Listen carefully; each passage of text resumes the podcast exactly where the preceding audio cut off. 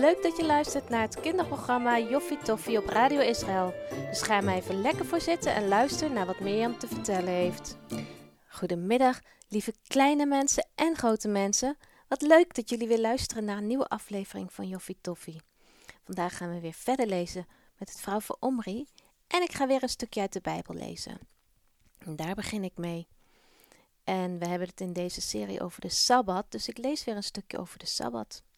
En vandaag komt de tekst uit Deuteronomium 5, vers 12 tot en met 15.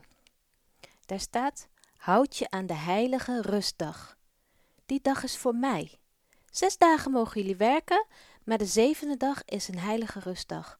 Dan mag niemand werken. Jullie niet, je zoon niet, je dochter niet, je knecht niet, je slavin niet, je vee niet en de vreemdelingen die in jullie steden wonen ook niet.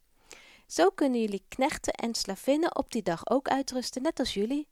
Vergeet nooit dat jullie slaven in Egypte zijn geweest en dat ik jullie daaruit op een machtige manier heb gered.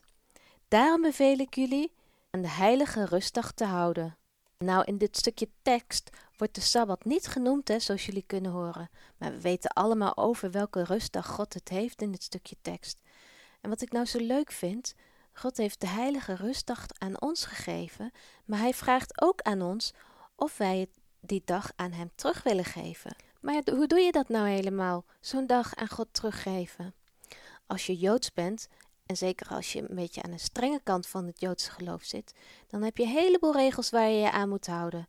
Je mag bijvoorbeeld niet een lichtknopje aandoen en niet koken en van allerlei dingen. Maar als je geen Jood bent, maar je toch aan de Sabbat wil houden, dan moet je leren en ontdekken hoe je de Sabbat kan vieren. En misschien kan je met andere mensen erover praten die de Sabbat vieren, of met je ouders. Wat wij bijvoorbeeld altijd doen, op vrijdagavond, dan eten we een beetje speciaal lekker en steken we twee kaarsen aan en is het spelletjesavond. En doen we altijd iets gezelligs met het gezin. Dus ik ben benieuwd, vier jij de Sabbat ook en hoe doe je dat? En vind je dat leuk of zijn er misschien minder leuke dingen aan hoe jullie de Sabbat vieren? Als je daar iets over wil vertellen aan me, kun je me een mailtje sturen op radioisrael.nl. Ik ben heel erg benieuwd. Maar zullen we nu verder gaan lezen over Omri? Want hij had voor twee dagen mannen geraapt en hij was erg bang dat het vies zou worden. En zijn vader wilde hem iets belangrijks gaan vertellen. Dus ze zijn voor de tent gaan zitten samen.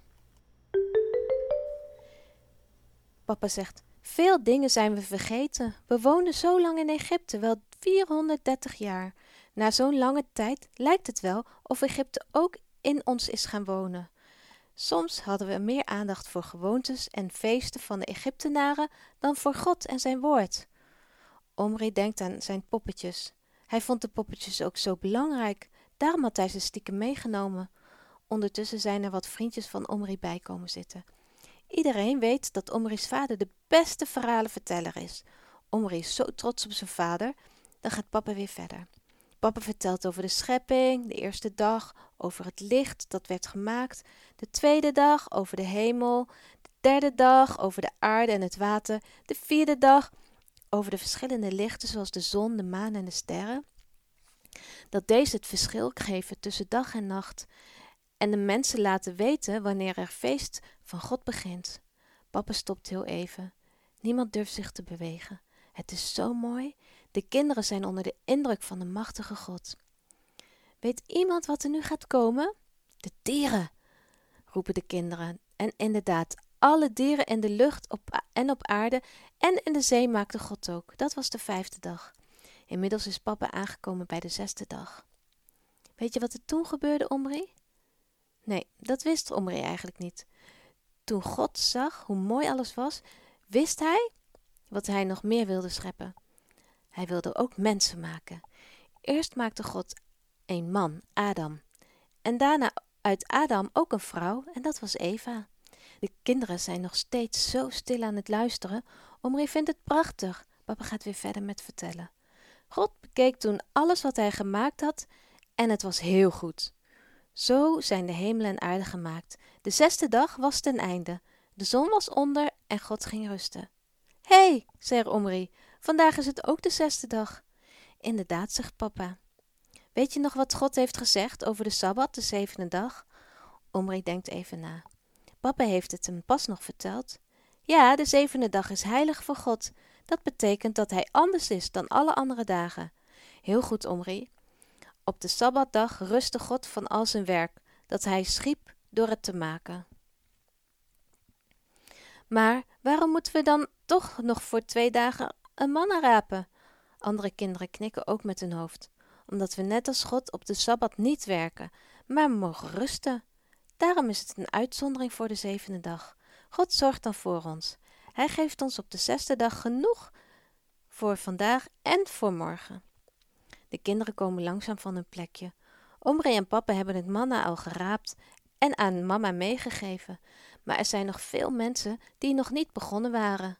Omri helpt nu wat oudere mensen met het rapen voor twee dagen. Hij weet nu precies waarom ze nu wel voor twee dagen manna mogen rapen. Je hoeft het niet stiekem te doen. God zorgt op de zesde dag dat er voor de Sabbat genoeg is. Morgen mogen ze rusten, net als God dat deed. Dat was het eerste verhaaltje van Omri. Maar wees niet bevreesd, want volgende week gaan we een tweede verhaal over Omri lezen. Dat is spannend en het thema zal nog steeds de Sabbat zijn. Maar in dit verhaal viel me wel even iets op waar ik het toch nog eventjes over wilde hebben. De vader van Omri zei dat Egypte, zoals het daar was, een beetje in hem was gaan zitten. En dat Omri dan dacht dat hij de poppetjes uit Egypte mee wilde nemen. En dat hij op de poppetjes ging vertrouwen in plaats van op God ging vertrouwen. Zo kan het bij ons ook wel een beetje zijn. Dan vertrouwen we op dingen, op geld, of op spulletjes, of op mensen, en vergeten we om op God te vertrouwen. Maar God wil dat we dat niet vergeten en daarom heeft Hij de rustdag gegeven. Want zoals we in het stukje hebben gelezen net in het begin van de aflevering, zegt God: Vergeet nooit dat jullie slaven in Egypte zijn geweest en dat ik jullie daaruit op een machtige manier heb gered. En zoals God de Israëlieten uit Egypte heeft gered, zo heeft God ons gered uit de macht van de dingen waar wij op vertrouwden. Want als wij op andere dingen vertrouwen dan op God, dan zijn wij eigenlijk ook slaaf van die dingen. En God heeft daardoor zijn machtige hand, doordat zijn zoon Jezus de dood heeft overwonnen, dat is de machtige hand van God, heeft Hij ons daaruit gered en mogen wij op God vertrouwen en daardoor mogen we vrij zijn en zijn we geen slaven meer in Egypte. Nou, dit was best een beetje moeilijk, dat snap ik ook wel. En misschien kan ik er volgende week nog wat meer over vertellen. Maar voor nu wens ik jullie een fijne avond en zeg ik tot volgende week. Dit was Joffie Toffie, het kinderprogramma van Radio Israël. Wil je nog graag iets kwijt? Stuur ons dan gerust een berichtje op joffietoffie.radioisrael.nl De presentatie was in handen van Mirjam en we vonden het joffie tof dat je luisterde en hopen dat je er volgende keer weer bij bent.